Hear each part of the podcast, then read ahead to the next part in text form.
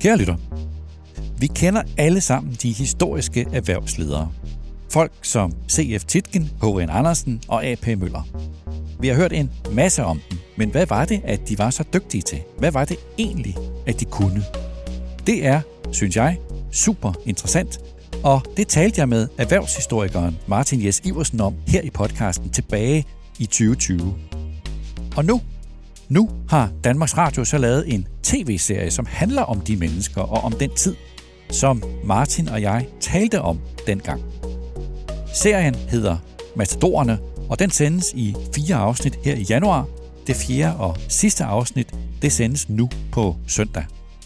Det er en dramatisk fortælling om Titken og H.N. Andersen, og om Landmandsbankens to direktører, far og søn, Isak Glykstad og Emil Glykstad.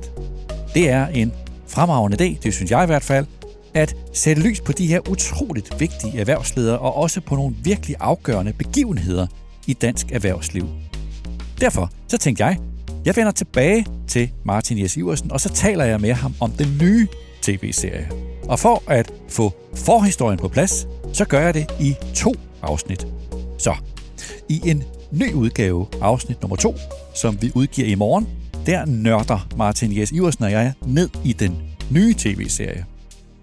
Men altså først, i denne her udgave, som du kan høre nu, her genudgiver vi den samtale, som Martin Jes Iversen og jeg havde tilbage i 2020, hvor Martin fortæller om, hvad det egentlig var, at Titken, H.N. Andersen og A.P. Møller var så dygtige til. Velkommen til Topchefernes Strategi.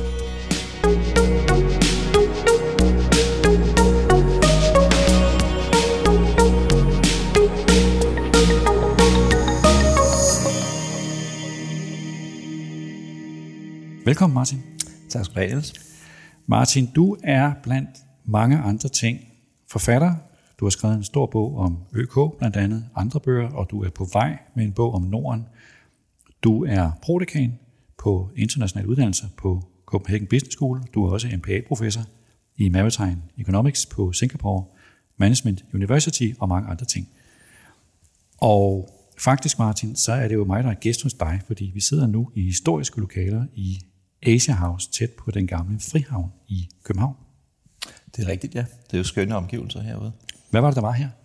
Her var jo øh, ØK's første hovedkvarter. Bygningen blev bygget i 1898, og øh, det er en spøjsbygning. Det er ikke, fordi det er den kønneste bygning i København. Den er sådan lidt, lidt, lidt skæv på en eller anden måde, fordi den, det er en bygning, der er meget ambitiøs, men ikke så stor, fordi ØK var en nystiftet virksomhed. Jo. Men øh, den har en meget høj stueetage, og det signalerer ligesom, at det her var en, øh, en mand, H.N. Andersen, der havde store ambitioner. Så han voksede ligesom, man kunne ligesom se, at han var på vej til at vokse ud af virksomhed, eller ud af bygningen, nærmest før den blev bygget. Ikke? Og de var også kun herude i, øh, i ja, var det otte år.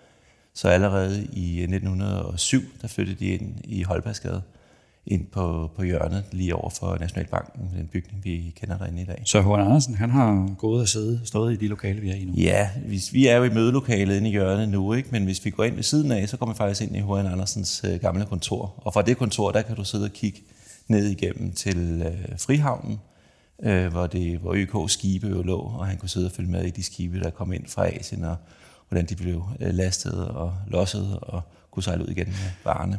Der er mange mennesker, vi kunne tale om. Vi har valgt i dag tre historiske, og også må man sige for dansk erhvervsliv, og sådan set også for det danske samfund, afgørende personer, nemlig øh, C.F. Titken, H.N. Andersen og A.P. Møller. Og for hver af dem vi forsøger at forstå, ikke kun hvad det var, de gjorde, fordi det ved vi jo godt, men også hvordan gjorde de det? Hvad var det, de kunne, som vi kan lære af? Så Martin C.F. Titken, hvis vi starter med ham, født i 1829, døde i 1901. Hvad var det, han skabte, hvis vi starter med det? Jamen, altså, først og fremmest så vil jeg sige, at jeg er rigtig glad for, at du har valgt de her øh, tre. Øh, jeg, jeg, anser dem jo som kongerækken i, øh, i dansk erhvervshistorie. Og det er det sjove ved de tre jo, det er jo, at de faktisk træffer hinanden. Så, så C.F. Tikken har, har truffet H.N. Andersen, det ved vi, de, har, de mødte hinanden i København i 1890'erne. Og H.N. Andersen og A.P. Møller, de, var, de har i hvert fald mødt hinanden, for de var naboer. De boede øh, ved to store villaer ved siden af hinanden i de nordlige Hellerup. Men Tikken var den, øh, var den første jo, af dem. Hvad var det, han skabte? Ja, hvad var det, Tikken skabte? Altså, Tikken kom jo til øh, København i øh, 1857 fra et ophold i England, i Manchester. Og der var han øh, 28 år gammel, og der blev han ansat som øh, direktør for den første rigtige bank, kan man sige. Øh, altså bank med indlån og udlån. Øh, Privatbanken i København. Den første bank i København. Øhm, og de første år, der skabte han jo sådan set ikke så meget. Der kom han til, men han var ung og havde mange idéer. Men han blev ansat til at, ligesom at, at drive en traditionel bank. Men han kunne godt se, særligt i Frankrig, men også i Holland, at der var nogle øh, andre bankmænd, der gjorde noget andet end en traditionel bank. De lavede noget, der hedder universalbank. Det vil sige, at de engagerede banken i industrien, de engagerede banken i øh, oprettelse af virksomhed, men også drift og udvikling af virksomhed. Og Tygten, han kastede sig over det, og øh, så han, så han infra, så, infrastruktur. Han, så, han så fra udlandet? Han så fra udlandet, og det er jo faktisk en vigtig pointe, det med, at han så fra udlandet, fordi det gælder jo alle de her tre aktører, men også de, andre, eller de fleste andre vigtige erhvervsfolk i Danmark i øh, 1800-tallet, de havde været i udlandet. Vi skal huske på, at Danmark var en, øh, et, et, et lille perifært land. Altså, vi, vi opfatter nok, mange af os har måske en tendens til sådan at opfatte os selv som verdens centrum, og vi synes, det hele det foregår, det er så spændende, det der her i Nordeuropa og sådan noget. Men det skal vi lige huske på, det her tidspunkt, der var, der var det jo i England, det skete. Det var til dels i Tyskland og i Nederlandene. Det var ikke USA endnu, det kommer lidt senere, men, men det var heller ikke her. Danmark var et øh, landbrugsland, øh, og i øh, 1864, der sker der jo det, at Danmark også taber en øh, vigtig krig og øh, i øh, Slesvig-Holsten og mister to femtedel af sit land. Og med det var faktisk også det, der måske var den spæde industrialisering. Der var en stor del af det, der også gik tabt på det tidspunkt. Så da, da, da Tikken kommer til der i 1857, der er det ikke noget, øh, er ikke noget nemt tidspunkt at sidde med ny industri. Men, men Tikken han kaster sig over øh, nye teknologier, altså hvad der på det tidspunkt var ny teknologi. Og det er jo faktisk kendetegnende ved Tikken, øh, hvis man ligesom skal, skal se på, hvad det var, han kunne og hvad han gjorde, så var det, at han brugte banken og bankens ressourcer, det vil sige de finansielle ressourcer, men også organisatoriske ressourcer, til at udvikle et land, der var øh, tilbagestående, som var led af et stort øh, nederlag efter krigen, og som øh, jo ikke var noget videre i forhold til industrialisering. Der gik han ind og brugte de ressourcer til at, øh, at opbygge virksomheder i Danmark. Og hans metode, den gik jo på, at han faktisk oftest gik til eksisterende initiativer og eksisterende virksomheder. Og så hjalp han dem frem. Det gjorde han så for eksempel ved at øh, børsnotere dem, lave dem om til aktieselskaber. Men han gjorde det også ved at lægge dem sammen. Så en meget vigtig del af Tikkens virke, det var faktisk at skabe større selskaber gennem sammenlægninger. Så det var ikke sådan iværksættervirksomheder, det var virksomheder, som var etableret?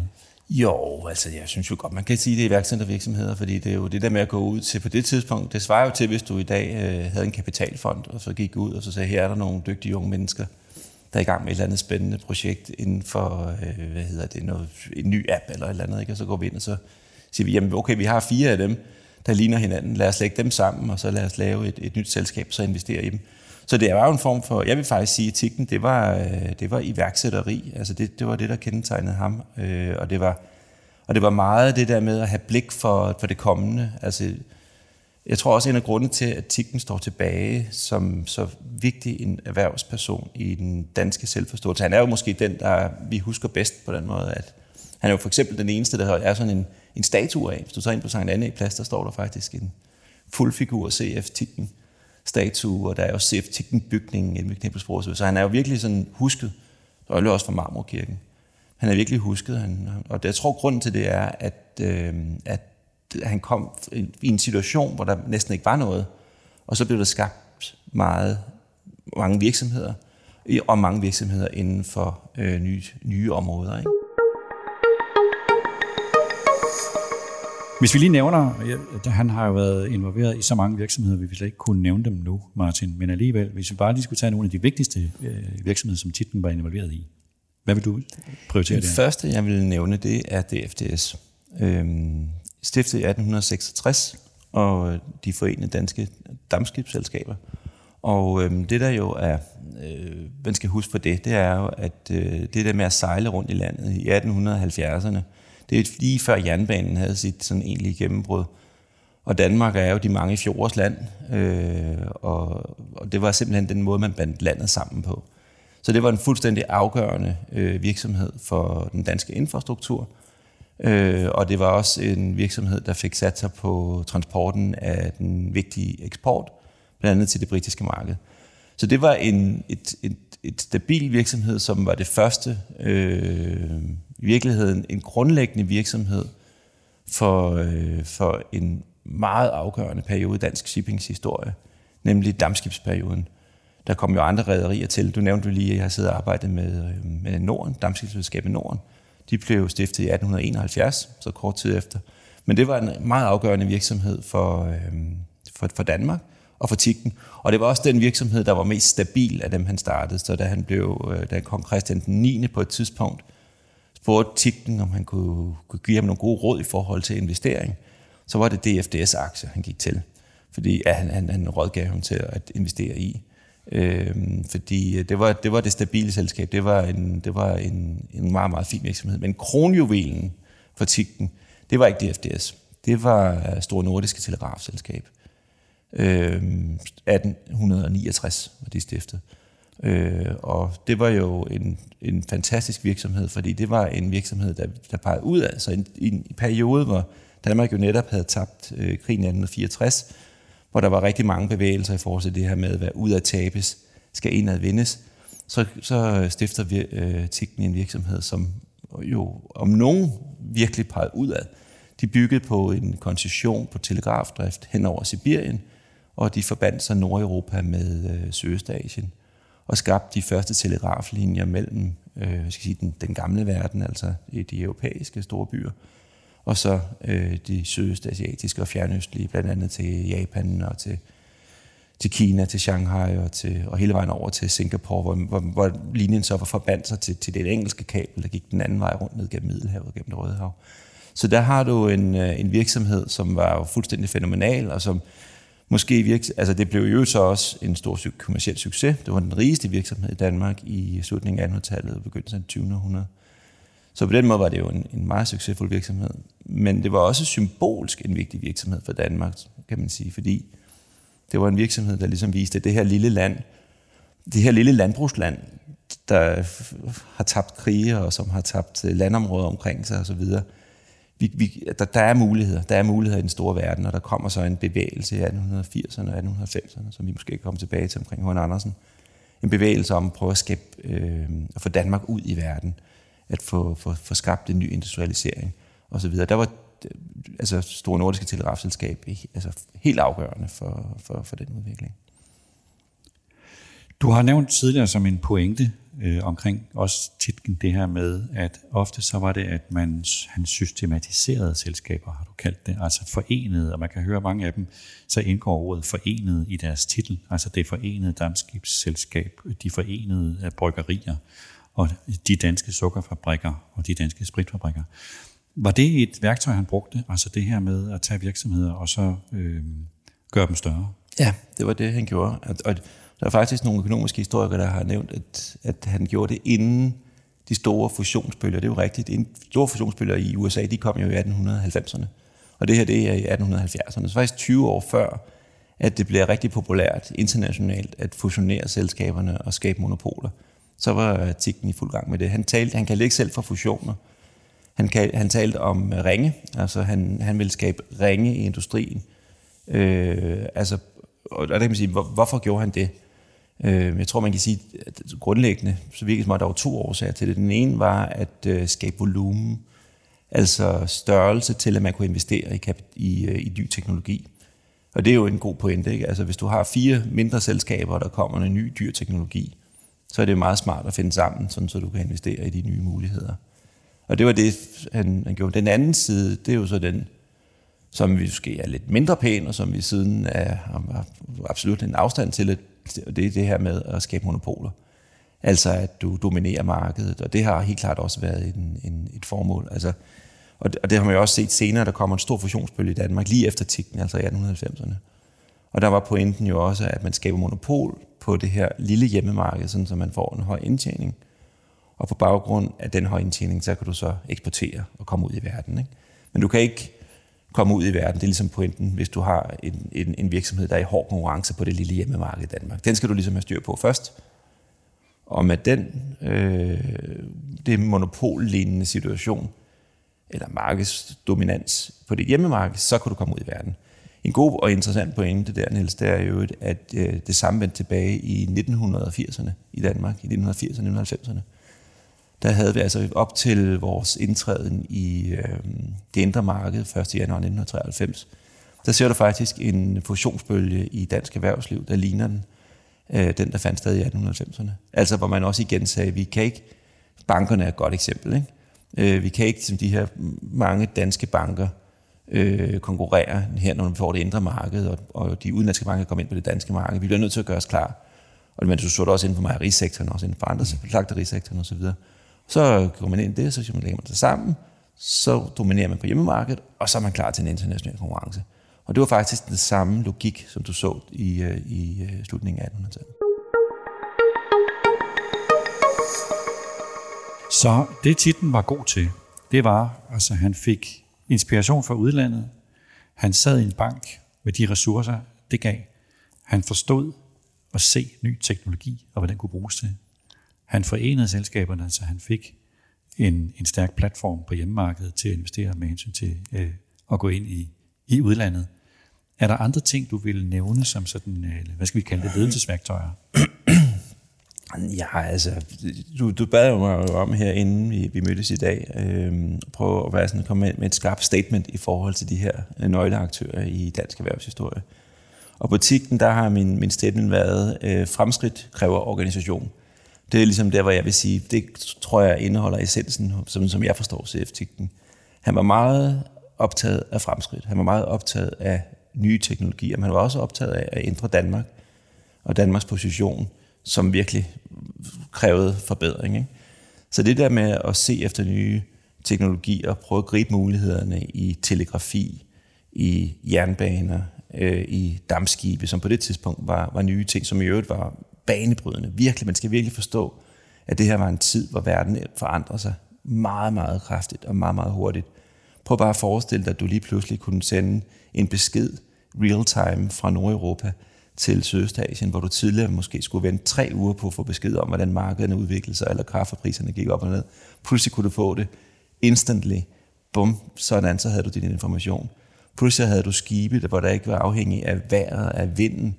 Du kunne, du kunne simpelthen sætte dig ned, så kunne du sige, jamen vi har et skib her, det kommer frem til, til Singapore lige præcis torsdag den 3. maj kl. 12. Altså det, det, er jo, det er jo en fuldstændig forandring. Så det er sådan nogle ting, var han meget optaget af. Så fremskridt var han optaget af. På den anden side, så var han også optaget af organisation. Han var også optaget af at, øh, at, at, at sætte aktørerne sammen, at skabe større enheder, at øh, organisere selskaberne frem til, den, til, til, til et stadie, hvor de kunne investere i nytænkning og i nye teknologier. Godt, Martin. Det var titlen. Det var titlen, ja. H.N. Andersen, som startede ØK, og som du kender endnu bedre, fordi du har skrevet en stor bog om ØK. Han levede fra 1852 til 1937, og han skabte Danmarks største virksomhed. Du skriver også i din bog på under 20 år, fra stiftelsen i 1897 til Første Verdenskrig brød ud i 1914, udviklede ØK sig til landets største, mest magtfulde og indflydelsesrige virksomhed. Hvad var det, han gjorde, H.N. Andersen? Jamen, øhm, i, i virkeligheden så er det jo et stort spring fra H.N. Andersen, fra Tigten til H.N. Andersen. Øhm, hvor Tigten jo stifte mange virksomheder, også uden for sin egen. Vi husker jo ikke Tigten fra privatbanken. Så skal, vi, så skal H.N. Andersen ses meget i sammenhæng med sin virksomhed. Så H.N. Andersen er rigtig meget ØK, og ØK er meget, i hvert fald det tidlige ØK, er meget H.N. Andersen. H.N. Andersen var ikke en person, der skabte en masse andre virksomheder. Han kom aldrig faktisk ind i andre bestyrelser. Han sad i ØK. Men ØK var så afgørende øh, og var så stor en øh, kommersiel og finansiel succes øh, i Danmark, og for, for, også afgørende for Danmarks historie, at, at øh, alene den virksomhed er nok til, at vi må have med her i vores, øh, vores kongerække. Øh, hvad var det, H.N. Andersen gjorde? H.N. Andersen han gjorde det, at han kom med en idé, i, og det gjorde han i begyndelsen af 1890'erne, der kom han til København. Han boede faktisk ude i øh, Bangkok, i Siam, og var oprindelig sømand, og blev senere kaptajn. Og ude i Siam, der gik den her sømand i land i Bangkok, og der oprettede han en virksomhed, der hed Andersen og Company. Det var et øh, handelsselskab, det var et selskab, der også havde koncessioner, og det var et selskab, der var en del af en dansk koloni. Den her danske koloni, den var relateret til øh, styret, til øh, kongestyret øh, øh, i, øh, i Thailand, og gennem den her relation, der havde de koncessioner. Det vil sige, at Andersen han havde ret til at øh, udnytte ressourcer i, øh, i Siam, blandt andet øh, ressourcerne i nogle af nogle store skove. Han kunne have tigtræs øh, koncessioner, men han havde også mine koncessioner, han havde også nogle sejlads koncessioner, altså noget, noget særligt drift. Det her idé med at have koncessioner og både kombinere på den ene side, at have noget med, at man kan sejle, noget med, at man kan handle, og noget med, at man kan drive træværk og for eksempel noget industri og sådan noget. Det, det var ligesom det, der var idégrundlaget, og han havde så et nøglebegreb, der, var, der hed vekselvirkning. Og allerede øh, året inden stiftelsen af ØK, altså i 1896, så skrev han et, øh, sammen med sin kompagnon, skrev han et øh, dokument ned, et, hvad kan man sige, en forretning. I dag vil vi kalde det en forretningsstrategi, kaldte de det ikke dengang. Men vi kalder det en forretningsstrategi i, i dag.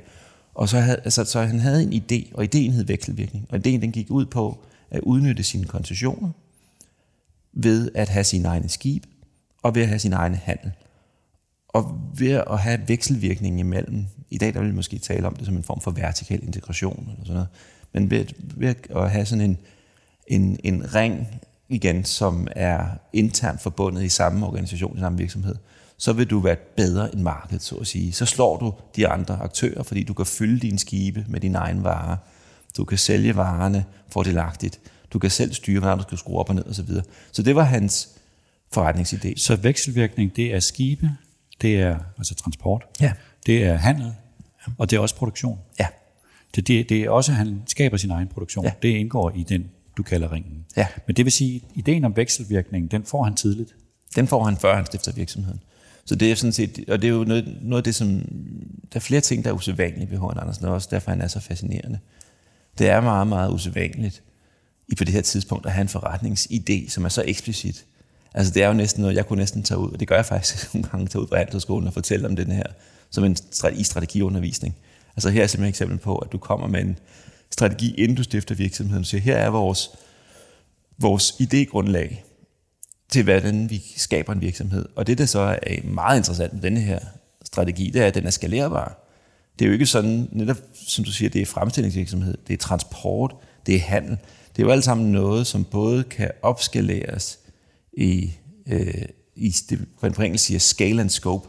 Det vil sige scale på den måde, at det kan blive mere og mere, det kan blive en større og større virksomhed, det kan blive rigtigt, du kan sætte nuller bag på omsætningstallene, ikke? det kan blive kæmpe, kæmpe stort. Men også i scope, det kan jo også sprede sig ud.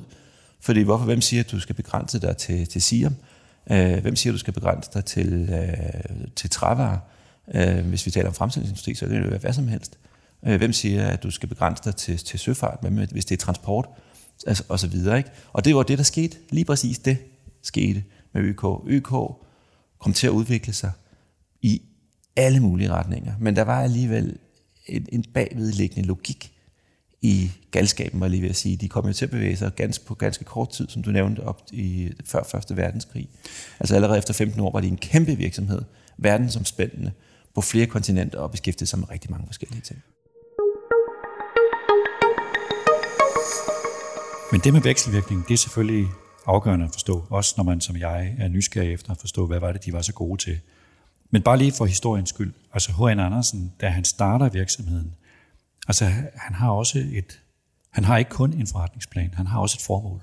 Ja, det er rigtigt. Bagved det, der ligger en, et formål om at ændre Danmarks position i verdenshandlen. Og det var faktisk, igen hvis vi skal tilbage til den, til den, øh, til den skarpe øh, jagttagelse i forhold til de her aktører, så er øh, jagttagelsen i forhold til H.N. Andersen, det er noget med, at du øh, skaber virksomhed med en bærende idé. Altså, øh, H.N. Andersen havde en bærende idé, og han, som du siger, så var den faktisk på to niveauer. Der var den der meget sådan konkrete strategiske omkring vekselvirkning, men der var også en større idé. Og den større idé, den handlede om at øh, ændre Danmarks position i verdenshandlen.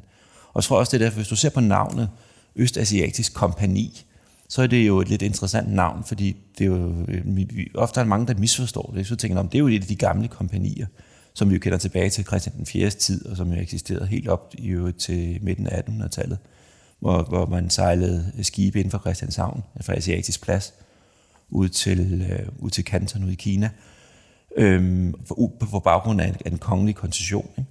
Men det var det ikke. Det var jo et aktieselskab, det, men det var øh, navnet af en reference tilbage til de gamle kompanier. I øvrigt så er der også en lidt skæg anekdote, at det navn der, det var ikke noget, H.N. Andersen fandt på. Det var faktisk i politikken, at det navn blev nævnt første gang i en leder, øh, som det vist nok var Henrik Kavling, der havde skrevet. Øh, og som nævnte det her med, at vi har brug for, øh, i Danmark har vi brug for et nyt kompani, et østasiatisk kompani, og så tog de så det der navn. Og det er jo også lidt interessant pointe med noget, som jeg jo var optaget af, da jeg skrev bogen. Ikke? Det er sådan, hvordan kunne det lade sig gøre? For en ting er, at vi kan sidde her og snakke om, du har en idé, øh, og du har en, en ambition om at ændre Danmark. Men altså som tidligere kaptajn, hvordan er det lige, du realiserer den idé? Det var sådan set det mest interessante spørgsmål. Ikke? Og der skal man jo huske på, det, det prøvede jeg at besvare i min bog, altså prøve at forstå, hvordan kunne det lade sig gøre at skabe Danmarks største virksomhed på det tidspunkt, på bare 15 år. Ikke? Og der er det en meget vigtig pointe. Det er selvfølgelig en forudsætning, at du har ideen. Men den anden forudsætning er jo, at du også, at ideen rammer noget. Altså der er noget, at den resonerer med omgivelserne. Altså du rammer ned i et eller andet. Ikke? Ligesom det, du, det svarer til, at du har et lille frø, og så skal du så finde noget frugtbar jord og putte frøen, frøen ned i. Du skal, og så ramme, det, du skal ramme en tidsånd på en eller anden måde. Lige præcis, og det gjorde han. Altså tidsånden, og det, det, og det er jo, var jo ikke H.N. Andersens fortjeneste overhovedet, men han kommer jo tilbage fra Siem, fra Bangkok til København der i 1893, 94 de første gange, og der kommer han til en by, der er i opbrud. Du har haft en stor øh, industriudstilling i 1888, den store nordiske industriudstilling, som var jo en kæmpe begivenhed. Altså, i, i, selv i ved vores dages målestok var det enormt, med flere hundredtusind besøgende øh, hen over de der flere måneder, det stod på, i på et kæmpe areal. Altså det er det hele nuværende Tivoli, var, var inddraget, der var Rådhus, det var bygget endnu, Rådhus, Rådhuspladsen, og en del af det, hvor hovedbanegården ligger, hele det område der. Og det, var, og det var jo bare et symbol, men der var jo forfattere, der var journalister, der var politikere, øh, der var en del af den her tidsånd om at gribe de nye muligheder, øh, kom måske meget inspireret også af den, den engelske udvikling, kom ud i verden, øh, for, for, for ændre Danmark. Danmark skulle være mere end det lille indadvendte, øh, indadskuende øh, landbrugsland. Det skulle være et udadvendt industrination og handelsnation. Og den tidsånd kommer han hjem til, og det betyder også, at han faktisk har en meget, meget tidlig offentlig opmærksomhed. Altså H.N. Andersen blev der talt om i medierne, inden ØK blev stiftet. Der blev skrevet artikler om, at der kommer den her kaptajn fra, fra, fra, fra Siem, fra Bangkok, og det, og det blev diskuteret, hvad er det, han vil, og hvad er det, han gør. Og så, så den forudsætning var, var meget vigtig, at den var til stede. Men noget andet er så også, at der skal kapital. Altså du, det er altid vigtigt, hvis du skal forstå en iværksætter, så skal du altid follow the money, kigge efter pengene. Hvor, hvor, hvor, hvor bliver kapitalen rejst fra? Og der er det jo sjovt for os, Niels, at vi sidder nu her i Frihavnen, fordi svaret på det spørgsmål, den findes faktisk fysisk her. Det var jo øh, en anden vigtig bankmand, øh, Glykstad, Isak Glykstad, som var altså, er meget, meget overset faktisk i dansk erhvervshistorie. Han, og vi burde også have haft ham med i vores kongerække, det må vi have næste gang. Fordi han, han var på mange måder Tikkens afløser. Øh, hvor Tikken ligesom i slutningen af 1880'erne og op gennem 1890'erne bliver, bliver gammel, kan man sige. Han er ikke længere med på de nye teknologier. Så er det Isak Glykstad, der, der træder til på baggrund af Landmandsbanken. Og Landmandsbanken, som jo senere bliver til Danske Bank, det bliver til Skandinaviens største bank, i den lange regime, ledelsesregime, som Isak Glykstad havde. Og Isak Glykstad, han investerer mange ting. Noget af det, han investerede i, det var Frihavnen. Det er her, hvor vi sidder nu. Frihavnen, det var et stort nationalt projekt. Øh, efter man, tyskerne de byggede øh, Kielerkanalen, så sagde man i København, det går simpelthen ikke det her. Nu mister vi fuldstændig vores position, for nu sejler alle skibene udenom Danmark. De kommer ikke den her vej rundt, når de skal ind i Østersøen længere. De sejler bare forbi øh, Kiel. Øh, så det siger man, så må vi gøre noget ved. Vi, vi, vi skaber en frihavn øh, og bygger en frihavn. Tikken var den første, man spurgte fra regeringens side, og Tikken sagde nej. Han synes det var, han, han var ikke på det sted på det tidspunkt, hvor han investerede så mange penge i noget nyt. Men Glykstad gik ind i projektet. Og jeg synes, jeg vil sige til alle, der, der lytter på den her podcast, de skulle tage en tur ud, det gør de måske også nogle af dem, og gå en tur rundt herude ved Frihavnen. Københavns Frihavn, altså det, der hedder Søndre Frihavn, den gamle frihavn, der ligger tæt på lange linje. Og det er jo fuldstændig fantastisk værk. Altså hvis du ser på, på husene herude, bygningerne, det er, jo, det er jo industrielle bygninger, men det er jo sådan noget skøn virkebyggeri, ikke? hvor man virkelig også lagde øh, krop og sjæl ind i det. Ikke? Det var meget, meget fine hus. Men det var en kæmpe investering, og det var meget, meget dyr. Isak Glykstad sad sammen med den her udfordring. Hvordan hulen får vi øh, aktivitet ind i havnen? Og der var faktisk i første år, efter de åbnede den i 1894, der var der tomt. Der kom ikke nogen herude. Og så kom på lige præcis på det tidspunkt, der kommer H.N. Andersen ind og siger, hvad vil du sige til Glykstad, at vi laver et nyt stort kompani, en, øh, vekselvirkning mellem, vi laver en ny skibslinje imellem Nordeuropa og Sydøstasien, vi laver koncessioner, vi har koncessionerne, vi laver handelsselskab. Og, og, og, og der rammer han jo et blødt punkt hos, hos en bankmand, fordi han sidder her med sin havn uden aktivitet, øh, og siger, ja okay, det, det prøver vi. Og, og min øh, antagelse med det der, det, med den situation er simpelthen, at, øh, at uden Glykster, intet ØK. Altså, Hun Andersen var, var naturligvis fuldstændig afgørende, han kom med ideen. Men det var Glykstad også, bankmanden var det også.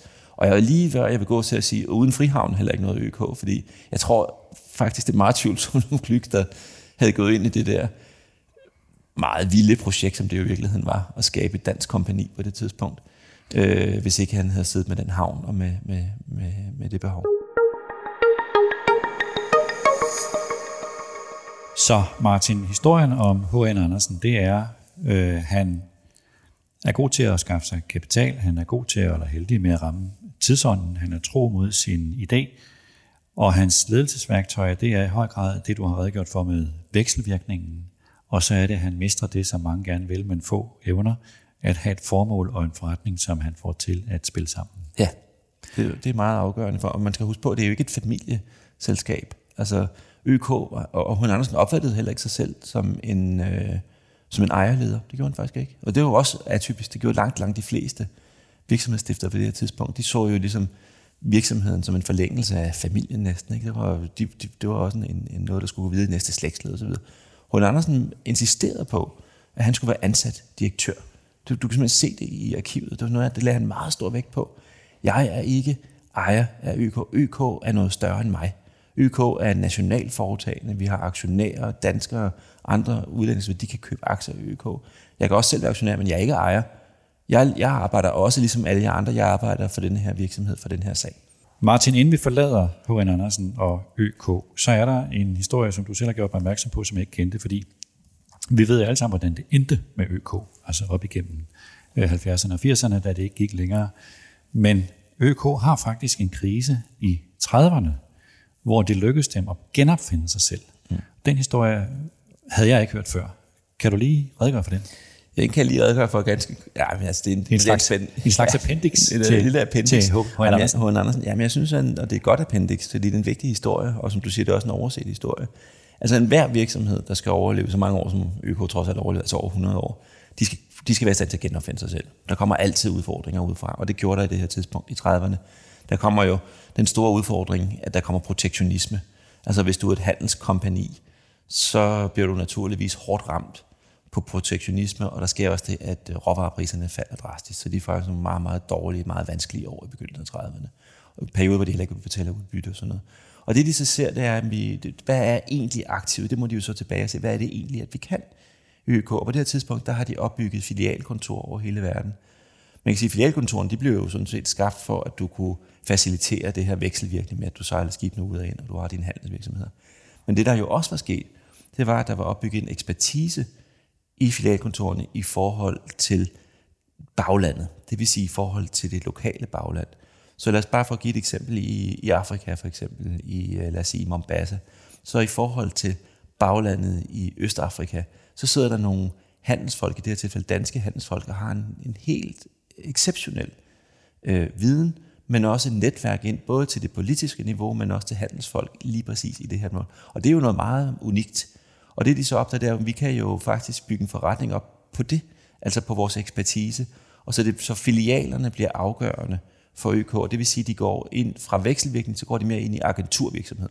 De går ud til andre eksisterende store virksomheder, for eksempel i Tyskland, i Sverige, men også i Danmark, Og så går de ind til virksomheden, så siger de, jamen prøv at høre, skal vi ikke hjælpe jer? Skal vi ikke hjælpe jer med jeres eksport? Øh, lad os sige Ericsson for eksempel i Sverige, en af Sveriges største virksomheder til, for de har de her fremragende telefoner, som de fremstillede. Men de havde jo ikke afdelinger, som de har i dag, rundt om hele verden.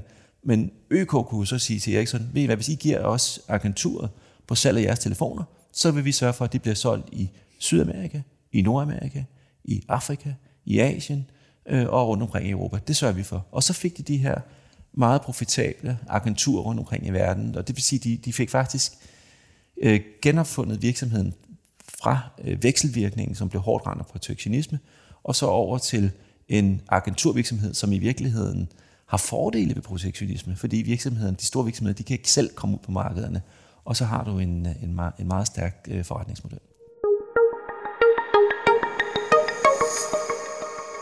Godt, Martin. En overset historie om ØK. Vores tredje person, det er Arnold Peter Møller. Alle kender ham jo. Født i 1876 og død i 1965. Og ham er der jo selvfølgelig enormt meget at tale om, og derfor er vi nødt til at begrænse os. Og det, jeg har foreslået dig, det er, at vi prøver at kigge på starten. Altså da han starter sin virksomhed tilbage der i Svendborg og også i København og tiden op til Første Verdenskrig. Hvordan vil du beskrive den øh, start, han havde, AP Møller? Øh, den var vanskelig. Han mødte rigtig mange udfordringer. Altså, AP Møller kom fra en skibsfartsfamilie. Hans far, P.M. Møller, var også øh, kaptajn og havde et, et, et mini-mikro rederi med et enkelt skib. Men ambitionen var klar for AP Møller, den var at opbygge noget større og, og prøve at få skærpt en, en flåde, altså øh, fordelene fordelen ved at have flere skibe og kunne dirigere dem rundt, og det var jo det, var det han kunne. Dengang havde man ikke en flåde, man havde et skib. Jamen det er rigtigt. Altså langt de fleste rædderier var jo bygget jo på et, på et enkelt skib, og jo tog navn efter det pågældende skib. Det gjorde Norden, som jeg lige har skrevet om i øvrigt også. Det første skib hed også Norden, så kunne, kunne øh, øh, MC Holm, som, som stiftede det selskab, det kunne han se med det samme. Det, det, det kunne skabe mere, han kunne have en større virksomhed. MC Holm stifter i Norden i 1871, og har givetvis også været en inspiration for AP Møller, fordi det har været... AP Møller var dygtig, og jeg tror, det, det, det, det i forhold til nogle af de, de to andre, vi taler om her, så tror jeg, vi skal sige, at AP Møller var en specialist. Han havde sit felt, sit område. Han var shippingmand, altså til fingerspidserne. Han kunne det der. Ikke? Han, han kunne se mulighederne på begge sider af shipping. Shipping har to store ting. Det ene er på den ene side, så skal du kunne se den daglige business, daglige forretning. Hvor skal du sejle din skib hen? Hvordan skal de engageres? Hvad er fordelagtigt? Hvor skal jeg placere dem? Og det andet, du skal kunne, det er, at du skal kunne købe og sælge dine skibe på det rigtige tidspunkt. Din timing er afgørende og din fornemmelse for at, at, at rejse kapital. Altså det, er, det er også en risikofyldt forretning, øh, især hvis du har en lille virksomhed. Altså, fordi ret, det er jo store assets, altså det er store aktiver, du sejler rundt med. Ofte også i forhold til virksomhedens omsætning, så er det store aktiver. Så du går ud og låner en masse penge, køber de her dyre skibe, og så skal du altså købe dem på et rigtigt tidspunkt. Og hvis du køber den der, hvor det giver virkelig mening i højkonjunkturen, så er de dyre. Så er skibene rigtig dyre, for alle vil købe skibene, når der er højkonjunktur. Men hvis du køber skibene, når der er krise, når, de er, når der bliver tabt penge, så kan du få dem billigt. Men til gengæld så er det svært at drive dem. Det var hårdt, hårdt arbejde. Og F.M. Møller, det, altså, det var det her med at knokle, knokle, knokle. Og han har jo også haft sin udlandsrejse. Han har været både i England, men han havde også været i, i øh, Baltikum, altså i de baltiske lande og i Rusland, og kommer tilbage til København og bliver ansat ind hos C.K. Hansen, som var det fine, gamle, store øh, malerbureau, som øvrigt ligger inde ved Esplanaden, hvor de, hvor de er i dag, og AP Møller Holding, den bygning, hvor AP Møller Holding er det, det var en sjov lille krøl på den historie, hvor, hvor, hvor familien sidder og driver deres holdingselskab nu. Det var det, han kom til. Og, det, øh, og, og, og der arbejdede han hårdt, og han arbejdede også så hårdt, så han både havde sit professionelle arbejde, hvor han var ansat hos Siko Hansen, og samtidig så startede han sit eget øh, rederi op sammen med faren og de her investorer. I Svendborg. I Svendborg ja. Og det, det, det, altså det, det, det, det er forretningsmanden, det er eksperten, det er specialisten, du skal kigge efter, hvis du skal forstå AP Møller. Øh, det, det, det, det, var det, han, det var det, han kunne. Og så, og så sker der jo det, at han var så dygtig, særligt til det her med køb og salg af skibe på det rigtige tidspunkt, at han kommer til at tjene rigtig mange penge, og hans rederi kommer til at vokse meget og meget voldsomt, og det gør de øh, under Første Verdenskrig, men det var de ikke enige om. Øh, Alle rædderier kunne tjene penge under Første Verdenskrig, fordi retterne var så høje. Men det er især efter Første Verdenskrig. Altså den afgørende, det afgørende 10 i A.P. Møllers historie, det er faktisk 1920'erne. Det er i 1920'erne, at han skiller sig ud. Fordi hvis du, nu er vi meget optaget af A.P. Møller, og du spørger til ham, øh, det her med det tidlige med Svendborg og sådan noget. Men hvis ikke det havde været fra 1920'erne, så havde der ikke været nogen særlig interesse af A.P. Møller. Og jeg tror heller ikke i samtiden, eller det jeg ved, at i samtiden var der heller ikke nogen særlig interesse for A.P. Møller i 1900'erne og i 1910'erne. Der var han en blandt flere. De store, den store på det her tidspunkt, det var jo H.N. Andersen. Altså, nu er det det her med kongerækken. Altså, det var 1900'erne og 1910'erne, det var H.N. Andersens tid. Altså, det var, det, det var ham, det var ØK, det var den store virksomhed. Men det ændrer sig i 1920'erne. Der kommer tronskiftet, hvor, hvor det er A.P. Møller, der, der, der lykkes så godt med sit forretningstalent i forhold til det her med at købe og sælge skib på det rigtige tidspunkt, at han faktisk får skabt absolut Danmarks største rederi i første omgang, og senere også Danmarks største virksomhed. Er det fordi, han kommer ud af Første Verdenskrig bedre end andre? Jeg har læst Nej. mig til, at han går ind i Første Verdenskrig med en mere sådan, hvad skal vi sige, forsigtighed i forhold til ja. konkurrenterne. Nej, han går ikke ud af Danmark, eller af Første Verdenskrig nødvendigvis som, som den mest succesfulde. Men det han gør efter Første Verdenskrig er det rigtige. Det han gør efter Første Verdenskrig er, at han er forsigtig. Han har under krigen, i stedet, i stedet for at udbetale de her store udbytter, så har han akkumuleret kapital. Han har lagt penge til side. Og, og der kommer en uventet krise efter Første Verdenskrig. For det, der sker, er, at alle regner med, at nu får vi fred. Det vil sige, at vi får fremgang. Fred, fremgang. Det var det, man forestillede sig, der ville ske. Det var ikke det, der skete. Og det blev rædderierne ramt af. Der kom en, en efterkrigskrise, en depression omkring 1920, der gør, at skibene de mister værdi. Og mange rædderier de kommer rigtig galt afsted, fordi de havde jo troet på, at de skulle købe dyre skibe ind på det her tidspunkt. De havde bestilt nye skibe hos værfterne. Og der går AP Møller ind lige der, hvor skibene falder drastisk i værdi, hvor de andre kommer i store problemer. Der går han ind og køber skibe. Og, og der er nogle meget fine citater i Ove Hornbys øh, biografi om øh, A.P. Møller, hvor, hvor A.P. Møller skriver om, at han faktisk er, modsat de andre, så er han glad for, at skibsretterne er faldet. Endelig får vi normale tilstande. Endelig så ser du faktisk, at dem, der kan det her, det er dem, der tjener penge. Det er ikke charlatanerne, det er ikke folk, der overhovedet ikke kan shipping. Hver kunne tjene penge på shipping under Første Verdenskrig. Nu er han inde, og det er det, han gør efter Første Verdenskrig, der er afgørende. Det er, at han har lagt pengene til side, og han går ind og investerer og får opbygget sin flåde på et tidspunkt, hvor det er profitabelt at gøre, altså hvor det er billig tonnage, så at sige. Det er adgang til tonnagen er afgørende. Og så kommer der, og så, så gør han det så godt, fordi det han jo også, han kunne ikke alene købe og sælge skibene, men han kunne også drive skibene. Og det vil sige, at han bliver faktisk, han får han også en profitabel forretning, i særligt internationalt, og ikke mindst i forhold til Nordamerika, og får han en, en, en god forretning øh, kørende. Og i 1928, det er et meget afgørende år i Mærsk-historien, fordi der opretter han Mærsk Line og Mærsk Tankers. Øh, begge to faktisk i samme år. Og der går han så ind, og så supplerer han hans speciale, det var sådan noget tramp shipping. Det betyder, at man ligger ligesom en taxa og sender sine skibe alle de steder hen, hvor der ligesom er noget at sejle efter. Og det er også det mest afgørende, eller hvad hedder sådan noget, udfordrende form for shipping. Men der går han ind i linje. Og linje det er så, hvis, hvis, hvis tramp er som taxaen, så er linje som bussen. Det er der, hvor du kører i fast rutefart, eller sejler i fast rutefart. Og der går han så ind på baggrund af nogle meget lukrative nordamerikanske aftaler, øh, blandt andet med Ford, øh, går han ind og får en rigtig fin forretning bygget op øh, i slutningen af 20'erne og op gennem 30'erne, hvor andre kommer i store problemer, der får han faktisk øh, fremdrift i, øh, i, i sin forretning. Øhm, og der er han så ikke længere en dansk forretningsmand, der er han en international forretningsmand. Og det er jo også et, en, en, et myst, virkeligheden et mysterium, måske også et paradoks ved AP Møller, det er, hvordan denne her shipping specialist samtidig kunne være så succesfuld med at, at komme ind internationalt, altså på, virkelig på de borgende gulve med amerikanske præsidenter, øh, komme ind i de aller, aller højeste cirkler, også i forhold til det internationale forretningsliv, og ligesom blive den foretrukne partner i forhold til shipping hos nogle af de allerstørste øh, virksomheder rundt omkring. Det, det var meget imponerende og stadigvæk interessant. Måske hænger det også sammen med, at han var amerikansk gift, og han havde sådan et særligt forhold, og det siges jo også, at han var en meget øh, en charmerende mand, og en, og en person, der var meget til stede i, i, i samtaler, også når enkeltmandssamtaler. Han var så til gengæld ikke så god til, til de store grupper. Han var ikke nogen stor taler efter sin. Han var ikke den, der sådan stillede sig op og holdt tale ud over store forsamlinger og sådan ting. Men de der helt tætte, det var han virkelig stærk til. Øh, og han var jo også meget engageret forretningsmand. Det er også en, en, en vigtig del af, af AP Møller. Han engagerede sig i samfundet. Han var ikke kun interesseret i sin egen virksomhed, han var faktisk også interesseret i, hvordan samfundet udviklede sig. Han skrev rigtig mange breve til ministre, han skrev kronikker og andre ting. Det vil sige, hvis man skal prøve at forstå, sammenfatte AP Møller, hvad det var, han var så dygtig til, det var, at han var dygtig til shipping. Han arbejdede hårdt, naturligvis. Og så havde han en forsigtighed, i hvert fald i perioder. Det er vel senere det, han også kalder til rettidig omhu som han senere der i 46 skriver i et brev til, til sin søn. Rettidig omhu, er det også er det et af hans afgørende ledelsesværktøjer? Ja, og det er jo siden blevet sådan et, et, et, et nationalt motto. Altså det er jo, det går næsten ikke en uge, det går vel en dag, men det går næsten ikke en uge, hvor der ikke er en politiker eller en eller anden fremtrædende person, der har brugt det der.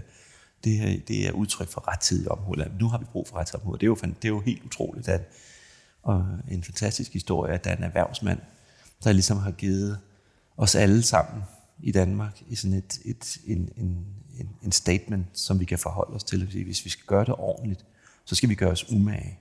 Men det er ikke nok at gøre os umage, vi skal også gøre det på det rette tidspunkt. Og så ligger der faktisk i, i det der rettidige omhu, ligger der min, efter min opfattelse også noget andet, som er meget interessant, og det er noget, øh, det er noget om værdier.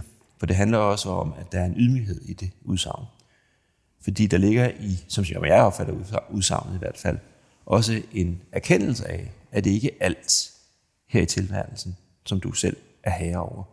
Og det, går, det, det er jo en, øh, en kristen tro øh, eller opfattelse. Ikke? Det er, altså, der er en begrænsning for, hvad vi som mennesker er herre over. Men der skal vi også huske på, at A.P. Møllers far, P.M. Møller, var en meget religiøs mand. Øh, A.P. Møller var også selv religiøs, men ikke så religiøs. Men der ligger i hvert fald også sådan et, jeg tror, det er sådan et, et grundlæggende protestantisk, etisk opfattelse af, at her i tilværelsen, der skal vi gøre os umage. Og vi skal gøre os umage også i forhold til, at vi gør tingene på det rigtige tidspunkt. Altså, at vi ikke gør så umage, at vi sidder hen i hjørnet, og så er toget kørt.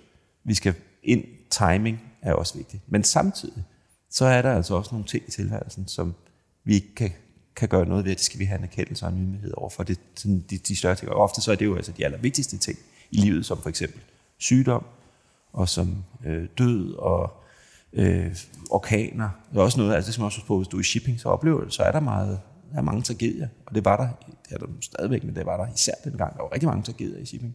Det var farligt. Skibene, de gik under, de sank indimellem, altså de, de, der var forlis. Det var der selvfølgelig rigtig meget i, skibs, eller i sejlskibstiden, men det var der faktisk også stadigvæk i dampskibstiden. Så den der ydmyghed overfor, at der, der, der er tab, og der, der kommer til at ske ting, og der vil ske ting. Men vi skal som med vores begrænsede evner gøre vores yderste hele tiden for at undgå, at vi bliver ramt af de der ting. Martin Jes Iversen, tusind tak, fordi jeg måtte komme her i Asia House og høre om CF, Titken, H.A. Andersen og A.P. Møller, og hvad vi kan lære af dem. Hvad var det, de var så gode til, og hvad, var det, er det, hvad er det, vi kan lære af dem? Og det vil jeg som sagt, som jeg nævnte i indledningen, forsøge også at skrive om blandt andet på bagsiden i børsen i løbet af december måned i julekalenderen for topchefer. Tak skal du have, Martin. Jamen selv tak, det var en fornøjelse, Niels.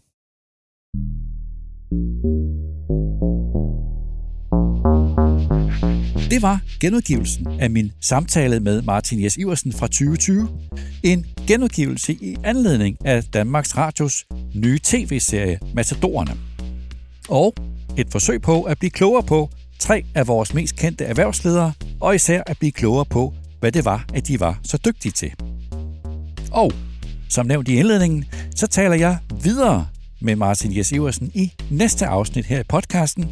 Et afsnit nummer to, som vi udgiver i morgen, hvor jeg spørger ind til Martins syn på de begivenheder, som vi som seere møder i tv-serien. Tak til Peter Emil Witt, der redigerede udsendelsen, og tak til dig, der lyttede med.